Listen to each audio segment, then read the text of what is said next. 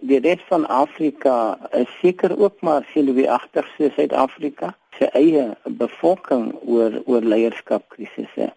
Jy weet die tipe van leierskap wat nou gevra word is leierskap wat intrinsiek geloofwaardig is. En dis die vraag wat mense elke dag vra, is ons leierskap intrinsiek wesenlik mense met integriteit gee hulle om vir die beginsels van Ubuntu. En tot watter mate toe gee hulle van homself jy kan alleenlik lei as jy lei tot die voordeel van ander en ek dink dis die vraag wat in Suid-Afrika gevra word maar ook natuurlik van die res van Afrika. En ek dink dit is waar ons uh, geweg gaan word. En te lig bevind word op die oomblik. Ek sou waag om te sê dat ons nie die uitdagings wat ons in die gesig staar met vreeslike sukses aandurf nie. Daar is leemtes, daar's eintlik 'n tekort aan die leierskap van die verlede.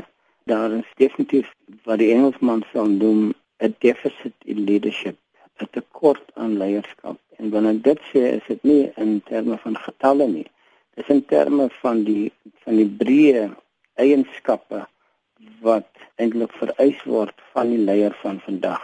Maar die vraag is wat kan wat kan mense dan daaromtrent doen? Wat kan gewone Suid-Afrikaners daaromtrent doen want dit is nou so en as 'n mens nou kyk in die lig van die afgelope tyd soos die ja. Gupta sage byvoorbeeld wat sê dit van ons president, wat sê dit van ons geloofwaardigheid en kan hierdie situasie waarin Suid-Afrika nou bevind, kan dit nog omgekeer word en hoe kan dit gedoen word? Dis 'n vraag wat seker beantwoord kan word deur elke Suid-Afrikaner want uh, jy kry maar net wat jy vra as 'n volk en as die volk vra vir 'n sekere tipe van leierskap dan gaan jy dit kry. En uh, wat ek daardeur bedoel is maar die stem wat elkeen het en as jy nie gelukkig is met die huidige leierskap nie dan is dit natuurlik vir jou om dit te wys deur 'n soort stem dat jy leierskap daar kry wat voldoen aan die vereistes wat jy stel. Ek meen dit is so belangrik dat elke persoon ook hom of haar sien in 'n leierskapsrol.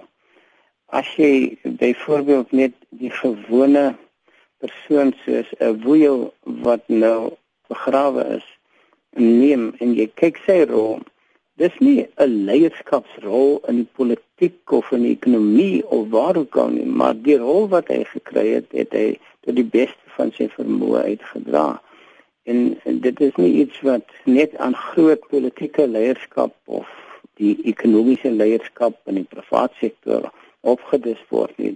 Dis elkeen en die die vraag is maar net soos jy daar vra, jy weet, hoe gaan ons die verandering teweegbring wat nodig is om daai tekort aan leierskap aan te spreek? Die hele kwessie van die innerlike in leiers is baie belangrik. As mens nou in Afrika en die res van Afrika kyk en Suid-Afrika, watter land of lande in Afrika is Suid-Afrika se grootste mededinger?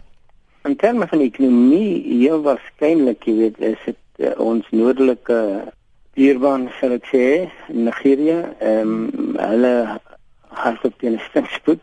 Hulle weet wat hulle het. Hulle is ondernemend. Hulle het uh, geweldige bronne, soos Suid-Afrika ook maar het. Maar ek dink hulle het ook hulle uitdagings. Ek dink dit is glad nie geheim dat hulle op sosiale vlak ook maar hulle uitdagings het, maar dit sou een van die belangrikste uh, mededingers vir Suid-Afrika wees.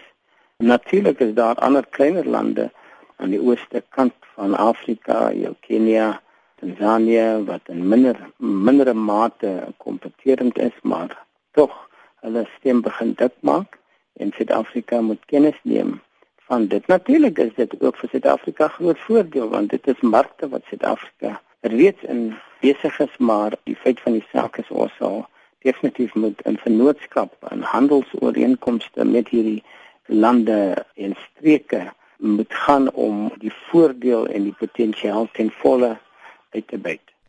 Ek wil nog net vir jou vra oor Suid-Afrika se verhoudings met met die buurlande. Mm -hmm. En hoe dit is op die oomblik en en in watter mate dink jy behoort dit te verbeter? Ja, Suid-Afrika se verhouding met sy buurlande is redelik gesond volgens my.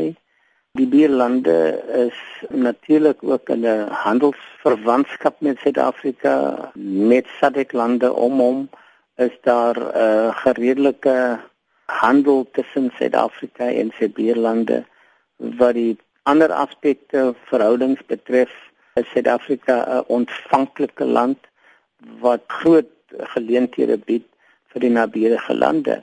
Hoe ons dit tot ons voordeel gebruik is natuurlik ook weer 'n uitdaging. As ons nie die nodige beheer uitoefen oor sodanige uh, migrasie nie kan dit vir ons negatiewe gevolge inhou. Maar ek is iemand wat glo dat as jy sou uh, invloed van mense kry of invloed daarvan moet jy dit so bes moontlik gebruik en die uitwerking daarvan is natuurlik ook negatief vir op jou naburige lande omdat hulle die geskoolde menslike kapitaal verloor in die proses van migrasie na Suid-Afrika waar dit gaan oor skills, waar dit gaan oor ontwikkelde uh, mense kapitaal. Maar in die reël, so ek sê, is daar goeie verhoudings tussen Suid-Afrika en sy buurlande. Namibië, Botswana, Lesotho en Swaziland ook. Zimbabwe natuurlik. Die vraag is uh, tot watter mate is ons beleid in hierdie lande, soos Zimbabwe, die gewenste beleid maar in die huidige omstandighede lyk dit asof ons daar nie gevare is tussen Suid-Afrika en sy buurlande nie of rede tot kommer tussen Suid-Afrika en sy buurlande nie